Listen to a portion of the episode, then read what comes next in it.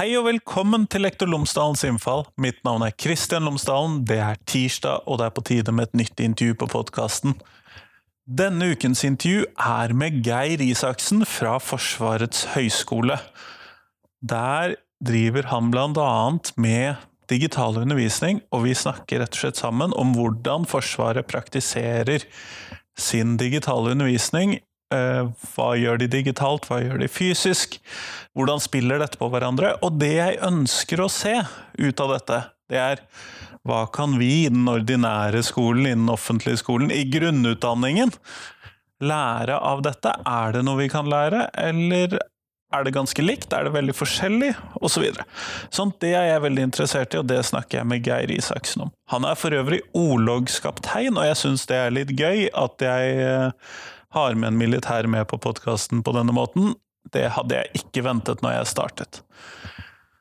Ellers har jeg ikke fått noen respons på denne ukens Tenketorsdag, så gå gjerne tilbake til eh, torsdagen, og så se om det er noe du har lyst til å si. Det mener å huske at spørsmålet var hva er det beste med norsk skole? Men det kommer med andre ord ingen oppdatering om dette på slutten av podkasten. Men jeg tar gjerne imot innspill, jeg tar gjerne imot ting du har lyst til å diskutere. Er det noe du har reagert på som noen har sagt på podkasten, så send meg gjerne en e-post. Eh, noe av det kanskje kan leses opp høyt på luften, sånn som eh, i denne sekvensen av podkasten. Det vil si etter at podkasten er ferdig. Mens eh, andre ting kanskje vi kan diskutere skriftlig. Det kommer litt an på hva du ønsker, og hva du sender inn, selvfølgelig. Men jeg er åpen for kritiske spørsmål, kritiske problemstillinger, kritisk vurdering av det som kommer inn på podkasten. For selv om selve intervjuet stort sett er at den jeg intervjuer får presentere sitt syn, så er det jo kjempegøy hvis episodene skaper en viss debatt. Ellers så er jeg kjempeglad for å kunne annonsere en nyhet på podkasten, og det er at podkasten har inngått et samarbeid med Cappelen Dam Undervisning, og det er jeg kjempeglad for og ikke så rent lite stolt. Eh, så jeg er veldig glad for å ha de med på laget, og det gir meg mulighet til å videreutvikle podkasten. Det betyr også at du i begynnelsen av episodene så vil du få en liten reklamesnutt for, for Cappelen Dam Undervisning, og da er det jeg som kommer med den meldingen. Sånn at det eh, får du heretter med på podkasten da. Ellers så kan jeg da fortelle at på skolen fra Cappelen Dam Undervisning, som du finner på skolen.cdu.no, så finner du alle de digitale læremidlene som Cappelen Dam Undervisning har laget til fagfornyelsen. Der finner du til alle tema, alle fag, alle årstrinn, i det hele tatt. Hvis ikke skolen som du jobber på, hvis du jobber på en skole, har prøvd ut dette fra før av, så kan man gå inn på skolen.cdu.no og skaffe seg en prøvetilgang. Det tror jeg kan være interessant å sjekke ut. Men i hvert fall, nok om det. Her kommer intervjuet med Geir Isaksen. Vær så god.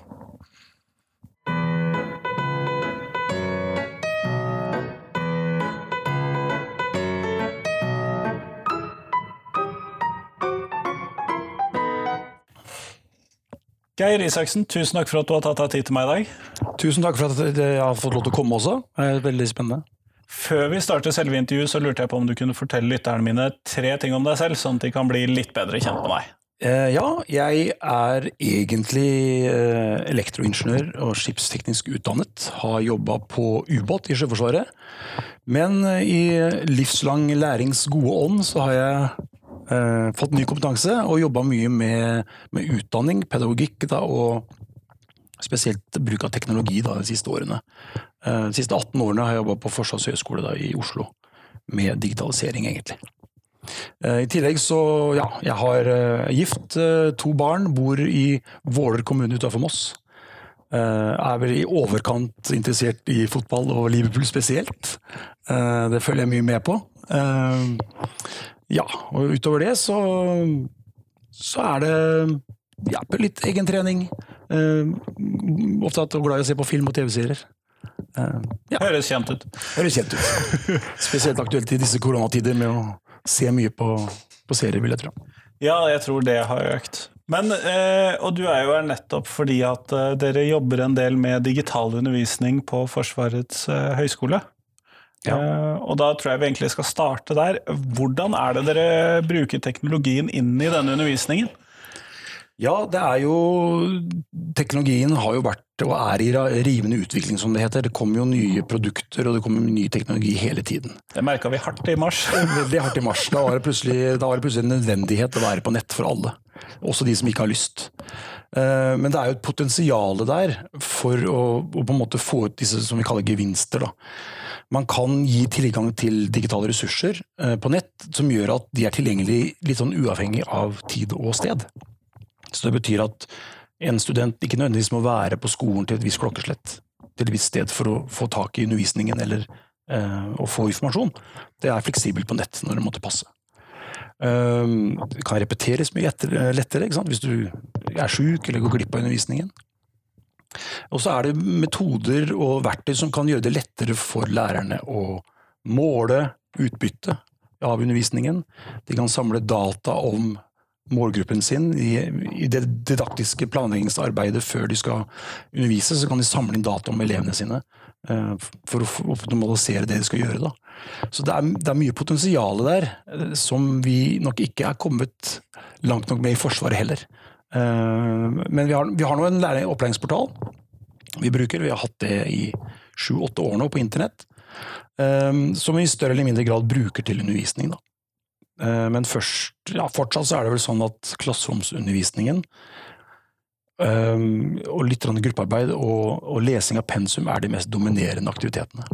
Men eh, når dere da har en Fordi at dere bruker jo da en del teknologi i den undervisningen, men eh, dere er ganske riksdekkende, er dere ikke det? Sånn Jo, vi, vi er jo det. Vi har jo både avdelinger og skoler over nesten hele Norge.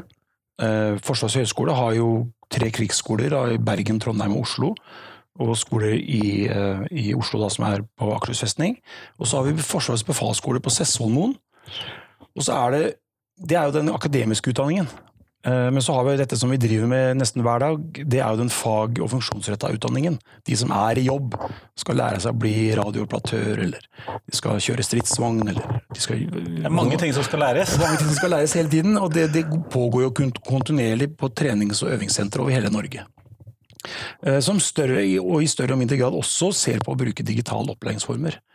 Forsvaret har jo helt siden 50-tallet brukt simulatorer for eksempel, for å trene på å operere utstyr, fly, stridsvogn, ubåt og hva det måtte være. Så det å bruke teknologi har Forsvaret gjort i mange år.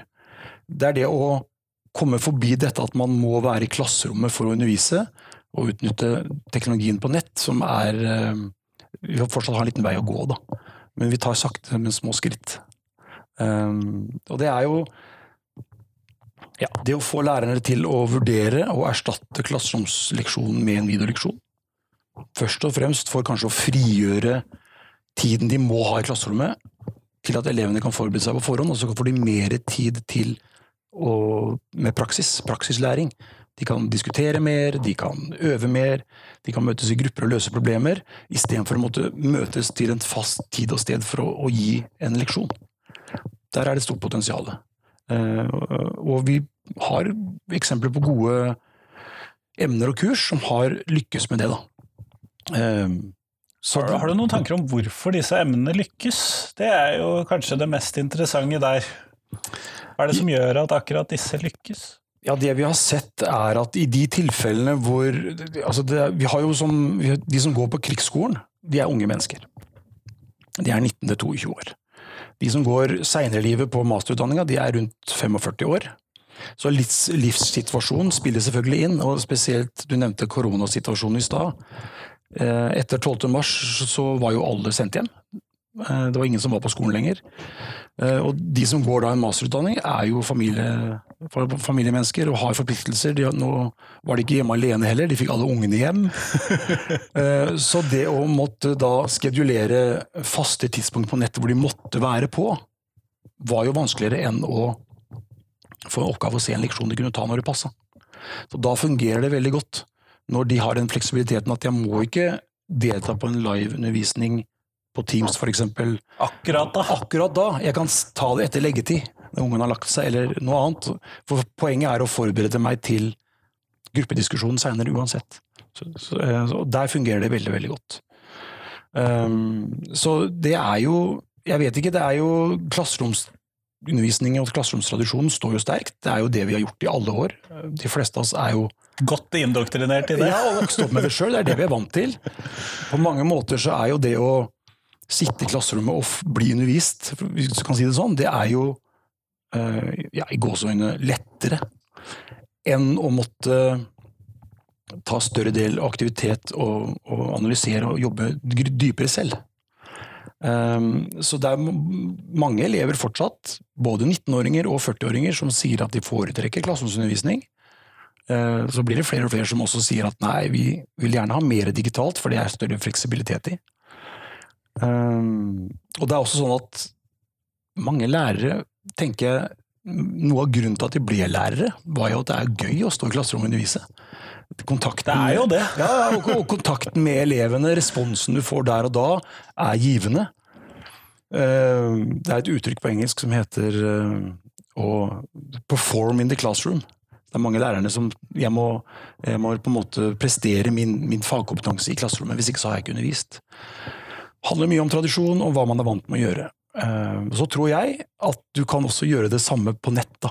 Eh, en videoleksjon. Du kan lage gode produkter og gode, godt innhold som gjør akkurat det samme. Og kan være like tilfredsstillende for, for lærerne og virkelig gi god informasjon til studentene også. Så potensialet er stort. Men dette skal jo da følges opp med noe når man da møtes, eller når man samles til en gruppesamtale, eller mm. Hvordan er din opplevelse av Kommer de forberedt, da? Ja, det er jo eh, et godt og interessant spørsmål. Eh, Det er jo sånn at eh, når du underviser i klasserommet, så kan du heller aldri være helt sikker på at de følger med. Han som sitter og titter ut av vinduet, og den som titter ned i bordet. Ikke sant? Eller holder opp med PC-en. Du annoterer kanskje, eller kanskje ikke. Og den sikkerheten har du selvfølgelig ikke på nett heller. Du kan aldri vite om de så hele videoen. Eh, Du kan aldri vite hvor mye de har lest pensum og sånne ting. Og for- at omvendt undervisning skal fungere, så betinger det jo at man er godt forberedt. Når man kommer til de eh, andre altså gruppediskusjoner, eller hva det måtte være. da. Eh, Men der har vi også noen, noen verktøy som teknologien kan hjelpe oss med. Både ved å se hvem som har sett videoen, og hvor mye de har sett av videoen. Eh, Man kan legge inn spørsmål underveis i en video som de må besvare. Og Dermed så kan man både kontrollere og sjekke at de har gjort det de skal. Eh, Og så kan man fortelle elevene at eh, jeg har muligheten til å se om dere har sett videoen. Det kan jo være en liten motivasjonsfaktor i seg selv. Men teknologien kan hjelpe oss med å på en måte forsikre oss om at når dere har fått friheten til å forberede dere fleksibelt, at du faktisk har gjort det før du kommer. For Hvis ikke så blir jo kanskje ikke utbyttet av den praksisdelen god nok. Da. Nei, komme litt sånn blank til eh, å skulle gjøre noe litt alvorlig, litt Uten. Ja, nettopp. Og da, da ødelegger man jo kanskje ikke bare for seg sjøl, men, men også for de andre. ikke sant? Som, som alle vil gjerne ha utbytte i samspillet og diskusjonene som foregår uh, både med læreren, men med, også med medstudentene. Eh, Eller medkadettene på, på krigsskolen. da. Men slik jeg oppfatter det, så er det det at man får frigjort tid til å arbeide eh, mer praktisk og mer dypere, da, som er hovedfordelen til Flip Classroom, slik som jeg forstår det. Ja, det er jo det. Altså, nå har vi hatt mange reformer i Forsvaret. Utdanningsreformer og, og omorganiseringer. Det er jo en kontinuerlig prosess. Det skjer en gang imellom, har jeg skjønt. Eh, og vi, eh, resultatet av disse omorganiseringene er jo at vi blir, som oftest så blir jo ikke flere folk. Og vi får ikke mer penger heller. Så det betyr at de som er igjen må gjøre det samme, med samme kvalitet, og kanskje enda mer. Så en stor utfordring er jo at det blir mindre tid til kanskje veiledning, eh, tilbakemelding til studentene, fordi at man, man har tradisjonelt sett brukt mye tid til undervisning. Så én gevinst er at hvis en, en lærer kan erstatte mange av sine klasseromsundervisninger med en digital ressurs, så blir jo den tiden frigjort fra klasserommet til at når de faktisk møtes fysisk, så kan det brukes til veiledning, tilbakemelding og mer praktiske læringsaktiviteter. Da. Um, og det ser vi at, uh, at no, i noen emner som vi har testa ut, så har de lykkes med det. Da.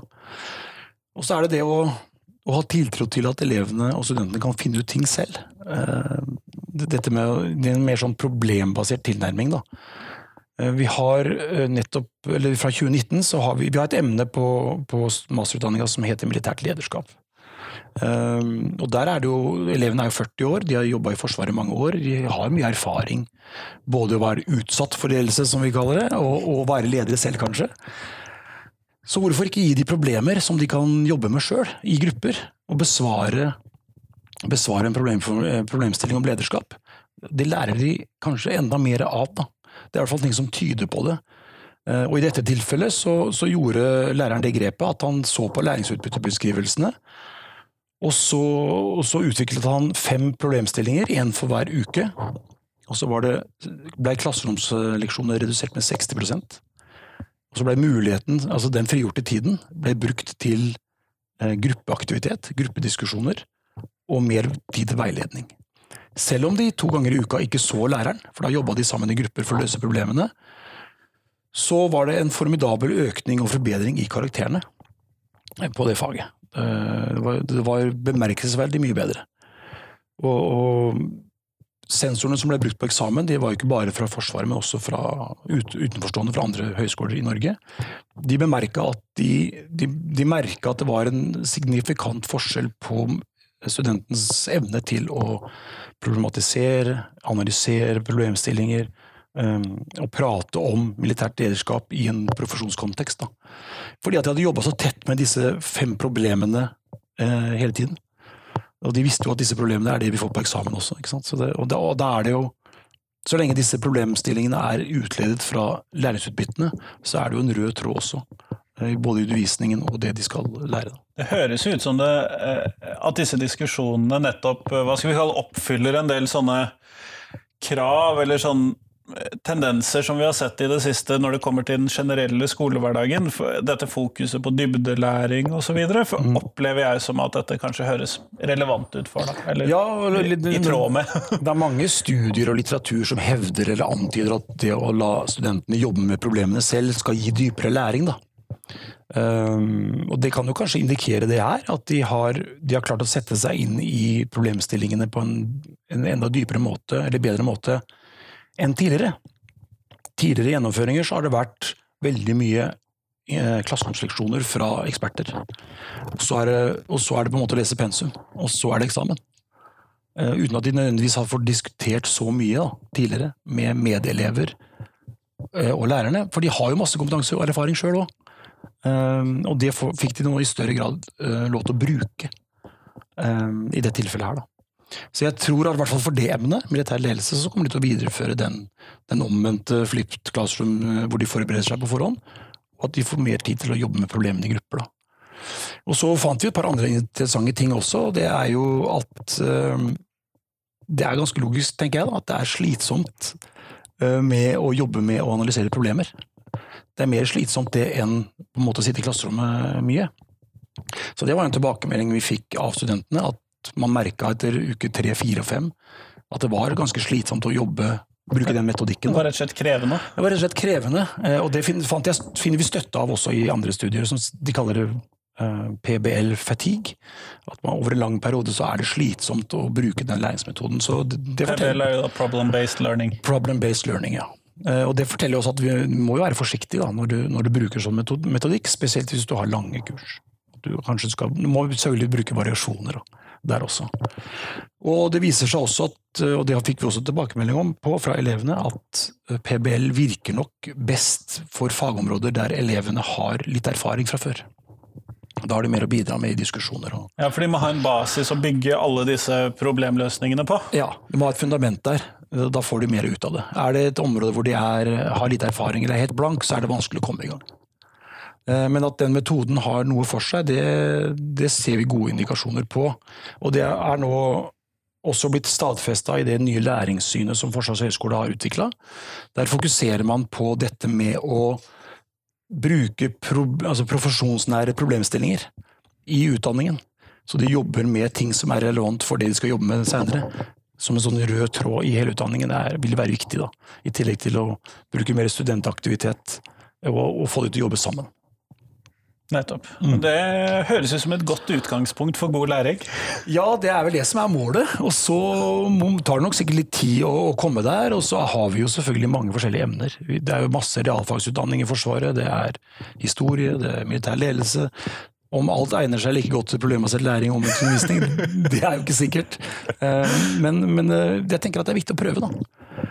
Um, er det noen forskjell i metodikk på disse fagutdanningene, funksjonsutdanningene og disse akademiske utdanningene, sånn metodemessig på utdanningene, eller det, prøver dere å gå mer i retning problembasert læring, mer i retning av flipped classroom på begge deler? Det er nok større fokus på dette på den akademiske utdanningen nå, på høyskolen. Eh, den fag- og funksjonsretta utdanningen tilhører jo mer forsvarsgrenene.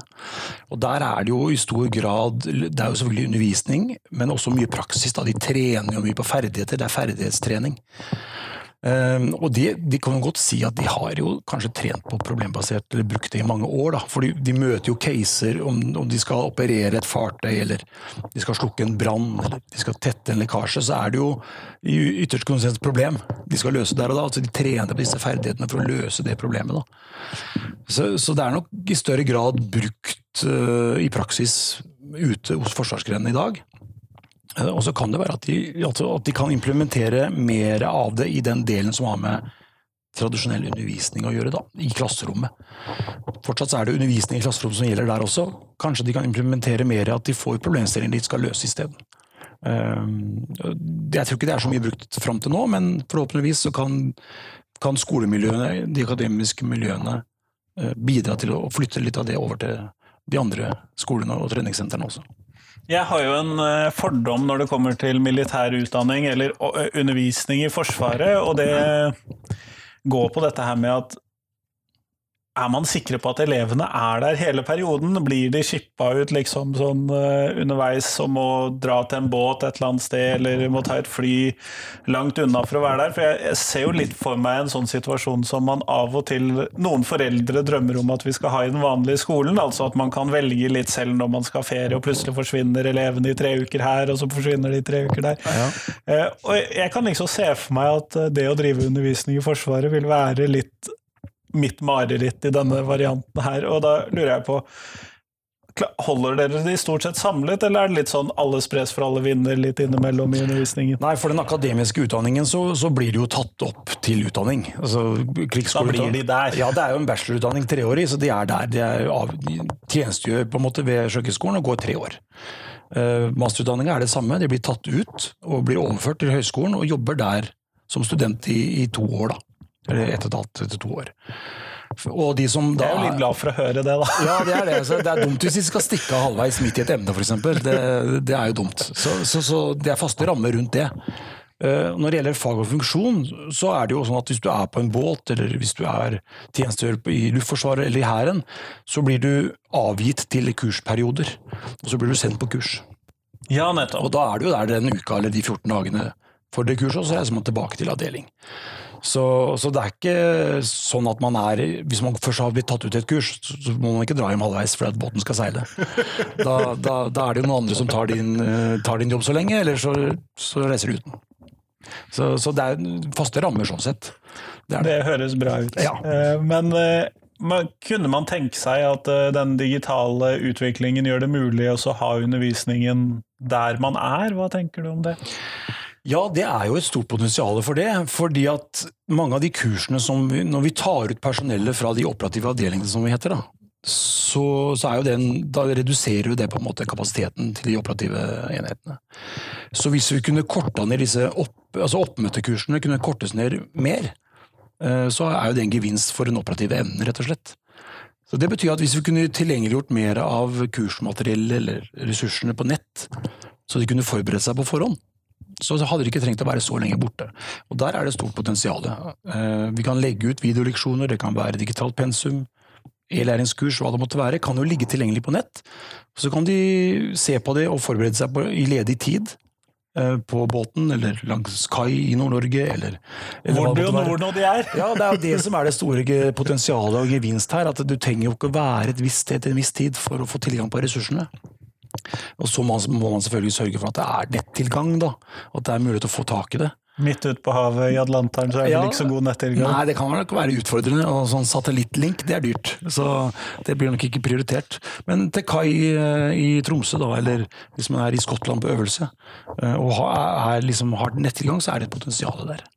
Eller at man laster med seg det digitale materialet uh, om bord i båten før man reiser, så er, kan man se det selv om man ikke er kobla opp til systemet. Uh, vi har jo prøvd i noen år å, å koble opp uh, opplæringsportalen til sånn vi kaller det disconnected client. At man kan ha en, en lokal kopi, da. En lokal kopi ja, på båten. Så kan man jobbe med utdanning der. altså Når man kommer til, kommer til kai og kobler seg opp, så, så, går resultatene og, og sånn over datalink. Vi er ikke der ennå. Det høres ut som et utviklingsarbeid. Ja, det er det. det, det, Vi er ikke i nærheten. Men, men, det er jo potensial for for å lykkes med det òg. Ehm, men det er det er et potensial her, altså. Det, det, både det å frigjøre tid, det å gjøre det mer fleksibelt, og ikke minst spare mye reisekostnader for Forsvaret. Det reises, reises veldig mye, fordi at, som du sa innledningsvis, Kristian, det er jo, vi er jo overalt. Vi er over hele Norge. Og så må man reise på kurs eh, fra Tromsø til Rena, da. Eller fra Oslo til Bardufoss. Det er ikke billige flyreiser? Nei, det koster penger. ikke sant? Det koster veldig mye penger. Eh, og både hvis vi kan redusere hvor lange kursene er, da reduserer vi kostnaden ved å overnatte og reise, men vi reduserer også belastningen det er å være borte fra familien. Og Det skal man jo ikke underslå, da, for det er en stor belastning for veldig mange å være i operativ tjeneste. Du er mye borte. Kanskje, hvis du er i marinen, så er du kanskje borte seks-syv måneder i året. Altså Når du først er hjemme, så skal du på kurs et annet sted så er du enda mer borte. Nye forsvarssjefen har jo snakket mye om hvor mye han har vært borte fra familien og etter at han ble satt inn som forsvarsminister. så det ja, har jeg lagt merke til. Og det er, jo, det er, jo, en belastning, det vet jo alle som har vært og tjenestegjort, at det, det er en belastning både for den enkelte, men også for familien. Så hvis man kan utnytte digitale metoder og, og verktøy da, for å redusere den belastningen, så er jo også det en gevinst. Eh, for, både for samfunnet og for den enkelte og for Forsvaret. Så vi, kan, vi må bli flinkere på det.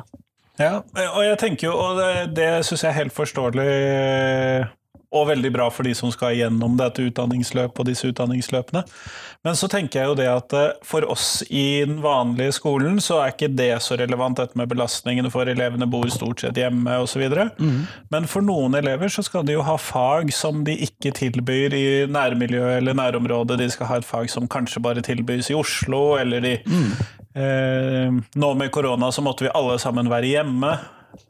Så sånn at mange av de problemstillingene som dere står oppi av andre grunner, er også relevante for en del av de problemstillingene som vi står oppi av andre grunner der igjen. Mm, jeg skjønner. Eh, som jeg syns er litt interessant å tenke på. Ja. ja, det er jo spesielt da når dette etter 12. mars alt var stengt ned og alle ble sendt hjem, så, så var plutselig utfordringen lik for alle. da. Plutselig så var ikke verken lærere og elever i samme rom lenger. Eh, og så skulle man fortsette med, med undervisning. Det er jo ingen som ønsker at det skal stoppe opp. for det er jo min, eller Vår yngste sønn han, eh, han gikk jo da elektro. Jo, det er vanskelig å revne fra deg. Ja, altså, Det andre året på, på videregående er på vei til å bli lærling. Han er jo avhengig av å få fullført. Det er, det er, jo litt krise hvis ikke du ikke får kontakt med skolen, rett og slett. Nå gikk det bra for han, og etter hvert så fikk de komme seg på skolen og få gjort sånne praktisoppgaver òg. Men det er klart det var en kjempeutfordring. Vi var, vi var litt heldige på Forsvarets høgskole, for vi har jo jobba litt med med digitalisering om noen år, så vi hadde både verktøy og systemer på plass som var klare til å brukes. Det vi har hatt utfordringer med i alle år, er jo å få alle med på lasset og til å begynne å bruke det. Men med ja, ved å få hjelp av korona, så var plutselig alle på nett. Og da ble plutselig oppgaven og utfordringen vår å og, og, lære de opp på nett og bruke nettressurser. Så De første månedene og ukene etter at vi ble sendt hjem alle sammen, så var et stort fokus for oss å lage opplæringsvideoer. Eh, og vise lærerne hvordan de kunne lage egne videoleksjoner i Powerpoint eller i, i Stream eller, eller, Teams. Hjelpe de å komme i gang med digital undervisning. Eh, og vi klarte å unngå å stoppe noe som helst av undervisning og utdanning på, på Forsvarets høgskole. Eh, det er en kjempeinnsats både fra, fra lærere og, og, at studentene var villige til å, å kaste seg ut i det. Da. Så det har vært mye liveundervisning eh, på Teams. Eh, og det har vært mye gruppediskusjoner på Teams, hvor de har møtt lærere og, og fått gjennomført eksamen. Så det viser jo at det fungerer. Og så er det interessant å se. Vi har, vi har gjort en sånn si, post-korona-undersøkelse blant både fagansatte og studenter. Og de er veldig store flertallet erkjenner jo at det fungerer jo godt. Men det er fortsatt noen som sier at så fort vi er ferdig med dette koronagreiene, så vil de gjerne tilbake til det tradisjonelle. Um, og, det, og, det, er jo litt av det, kanskje litt av utfordringen. Vi må prøve å, å på en måte bruke det beste av begge verdener, eller begge systemer. Da. Det er jo ingen som sier at, at alt skal erstattes med teknologi eller digital undervisning. Det er bare et spørsmål om hva man gjør hvordan. Ja, ikke sant? Og, og at man bruker de digitale metodene og de verktøyene som, kan tilføre noe ekstra. Kan gi noen gevinster og gjøre ting kanskje enda bedre. Det er jo Begrepet som ofte er brukt, er vel blended learning, da, eller blandet læring. Så Hvis man kan bruke de beste aktivitetene og de beste tingene fra begge verdener, både den, de fysiske møteplassene og det digitale, så viser det seg jo det at det er det, er det beste. Og er, ja, variasjon er et godt didaktisk prinsipp. eh, og det, det, det, er viktig at, at, man tar det inn over seg også, da. Eh, og det, der er det mange ting vi kan jobbe med. PowerPoint er jo en, en, et verktøy da, som de fleste bruker og har brukt, både i undervisning, i møter, i hva som helst det være. Men samtidig så ser jeg jo fortsatt at det er veldig mange som ikke utnytter, utnytter det potensialet som, som, PowerPoint kan gi, da, og bruker det på, på, på, rett og slett på feil måte. Til syvende og sist så er jo en PowerPoint-presentasjon om du står i klasserommet, eller om du prater til en PowerPoint på en videoleksjon, så er det samme måten å formidle informasjon på. Og Du kan gjøre de samme tabbene i klasserommet som du gjør på nett også. Sånn, Teksttunge powerpoint er like dårlig i klasserommet som det er på nett. Det er det. Ja.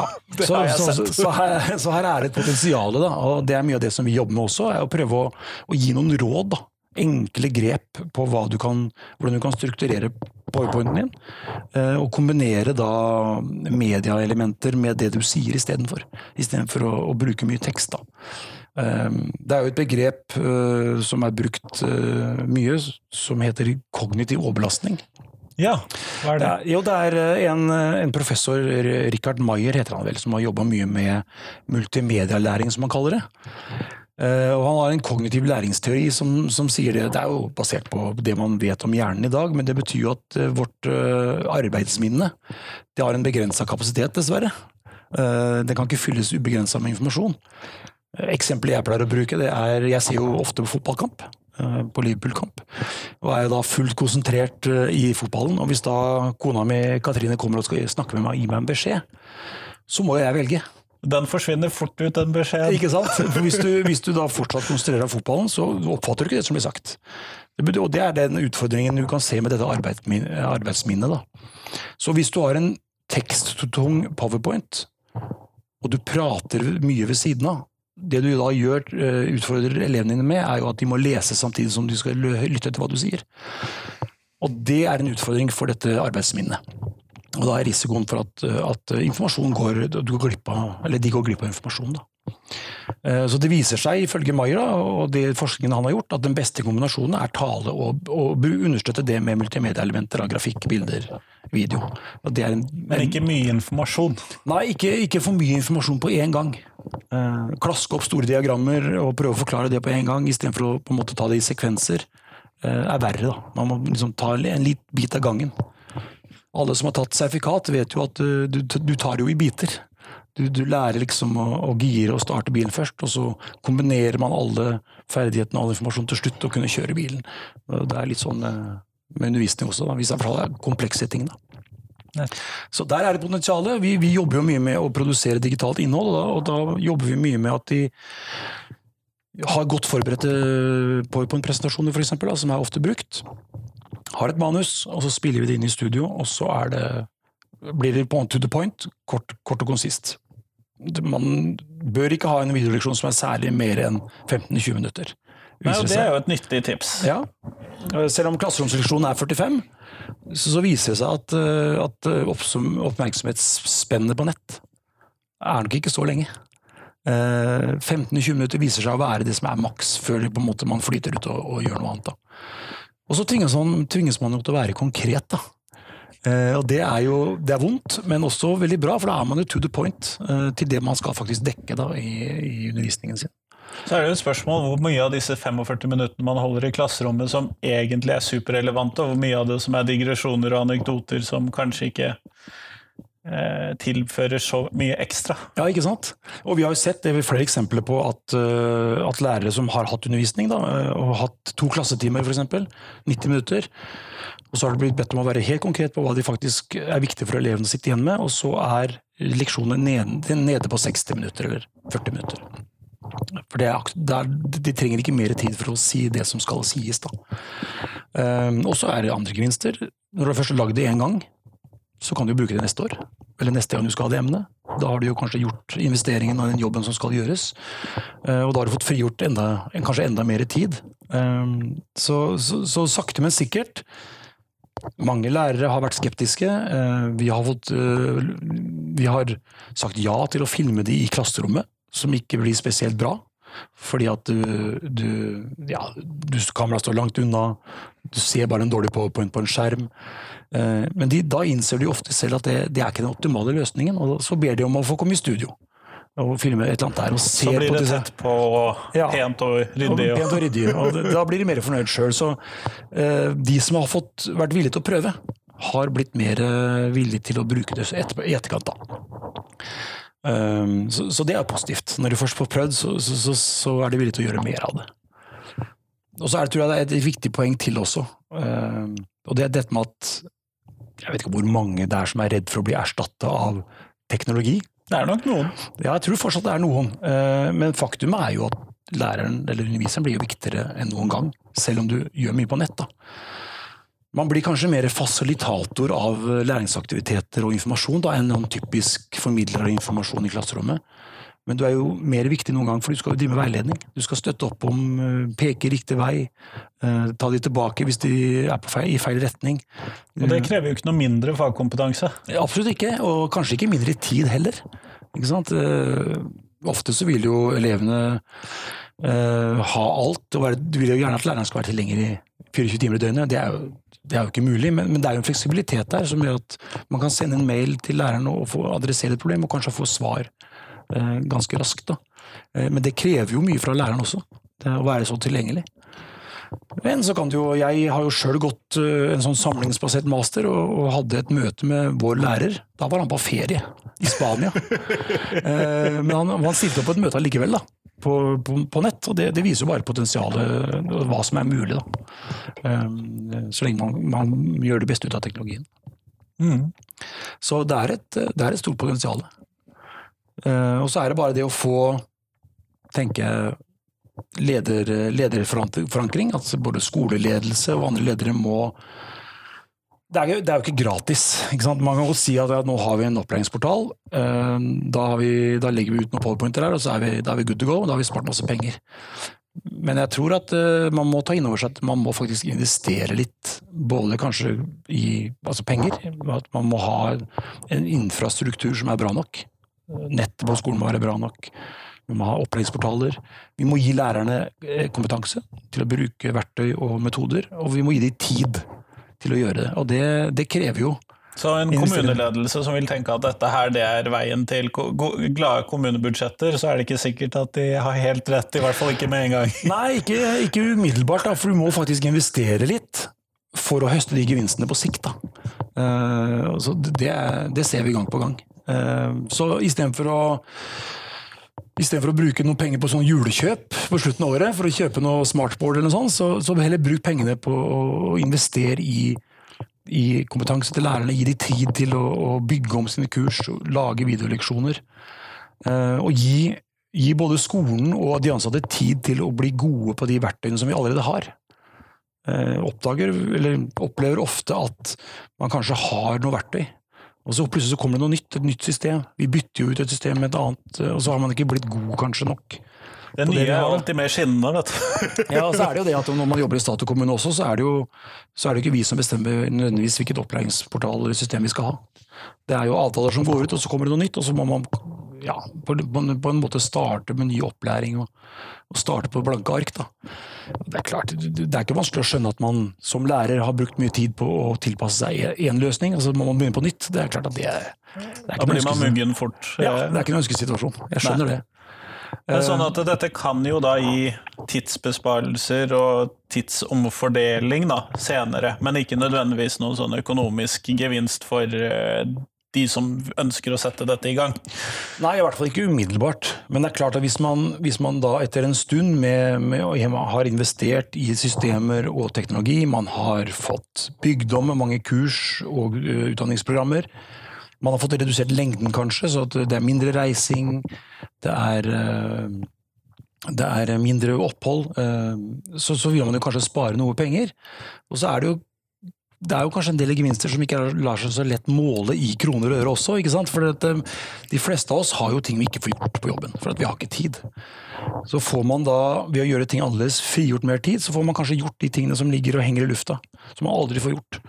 Eh, som er en gevinst i seg selv når det blir gjort. da. Eh, uten at koster, uten at du kan se det på, på, på budsjettet nødvendigvis. Mm. Så man må gi tid til å få gjort det skikkelig, og så vil man høste gevinstene på sikt. Eh, det, det Ja, det, sånn, er det, sånn er det bare, tror jeg. Mm. En quick fix, det tror jeg ikke fungerer. Det tror jeg er en god lærdom å ta med seg. Men eh, Geir, vi går mot slutten av intervjuet. Mm. Og det spørsmålet jeg stiller til alle for tiden på slutten, det er hva er de tre viktigste tingene skolen kan lære elevene? Ja, nå er jo det som er spesielt med, med utdanninga på Forsvarets høgskole også i Forsvaret, er jo at det er jo, det er jo en fagutdanning, men det er, også, det er jo også en profesjonsutdanning. Så det betyr at de skal jo også utdannes til å være eh, militære offiserer og ledere. Så det er jo ofte en lederutdanning, i tillegg til fag, om du er maskinist eller elektriker eller logistikk. Så er det profesjon i tillegg. Så høyskolen, og spesielt krigsskolene, jobber jo mye med dette med, med det å hvordan man skal bidra til samfunnet uh, utover sin egen arbeidsplass. Uh, hvordan man skal opptre overfor andre mennesker, være en god leder. Uh, så det er, et stort fokus, og det ønsker jo høyskolen at de også skal ta med seg. da. Og være til nytte ikke bare for Forsvaret, men samfunnet i etterkant. Være en bidragsyter. Og det, og det å være en god samfunnsborger, rett og slett. da. og så er det jo egenskaper som fremdyrkes Eh, i Forsvaret, eh, både når vi selekterer det inn eh, det er kanskje ikke så mange som syns at det er naturlig, men et, et viktig kriterium når man blir selektert til utdanning i Forsvaret, er evnen til å vise omsorg, f.eks. Det er en egenskap. Og så er det det å kunne ta initiativ, det å lede andre. Så det er mange sånne ting som man fokuserer på, som ikke er Det er ikke spesifikt for utdanningen din, men det er nyttig for deg som menneske og som, i karriereløp og, og som som norsk eh, si, samfunnsborger. Eh, så det, det, ønsker jo Forsvaret at de skal ta med seg, uansett om de jobber i Forsvaret hele livet, eller om de slutter i Forsvaret og jobber ute. Kjempeflott. Ja. Tusen takk for at du tok deg tid til meg i dag. Tusen takk for at jeg fikk lov til å komme. Det var eh, en spennende opplevelse.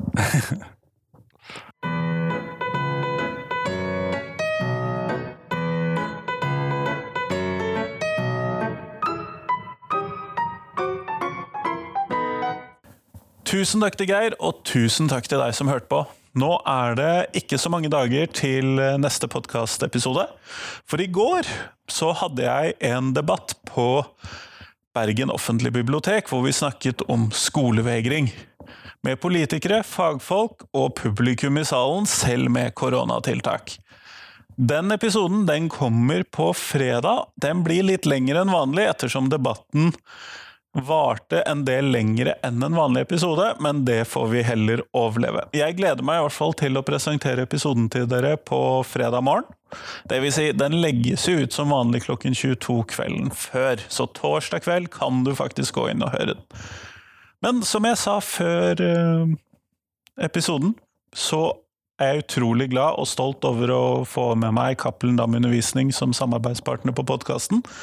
Og jeg er kjempeinteressert i at du sender meg mail, kommentarer osv. tilbakemeldinger på de ulike episodene som kommer på podkasten. For da kan vi skape en dialog rundt podkasten som jeg tror kan bli kjempegøy og kjempeinteressant. Ellers hvis du går inn på Facebook og søker opp Lektor Lomsdalens innfall, så finner du nå også en Facebook-gruppe hvor du kan være med og gjøre denne diskusjonen levende, og hjelpe meg kanskje også med å finne nye mennesker å intervjue, eller eh, nye problemstillinger å ta opp på podkasten. Eh, det tror jeg kan være kjempenyttig, både for deg og for meg. Men i hvert fall, fram til fredag så får du ha en fin uke. Hei, hei!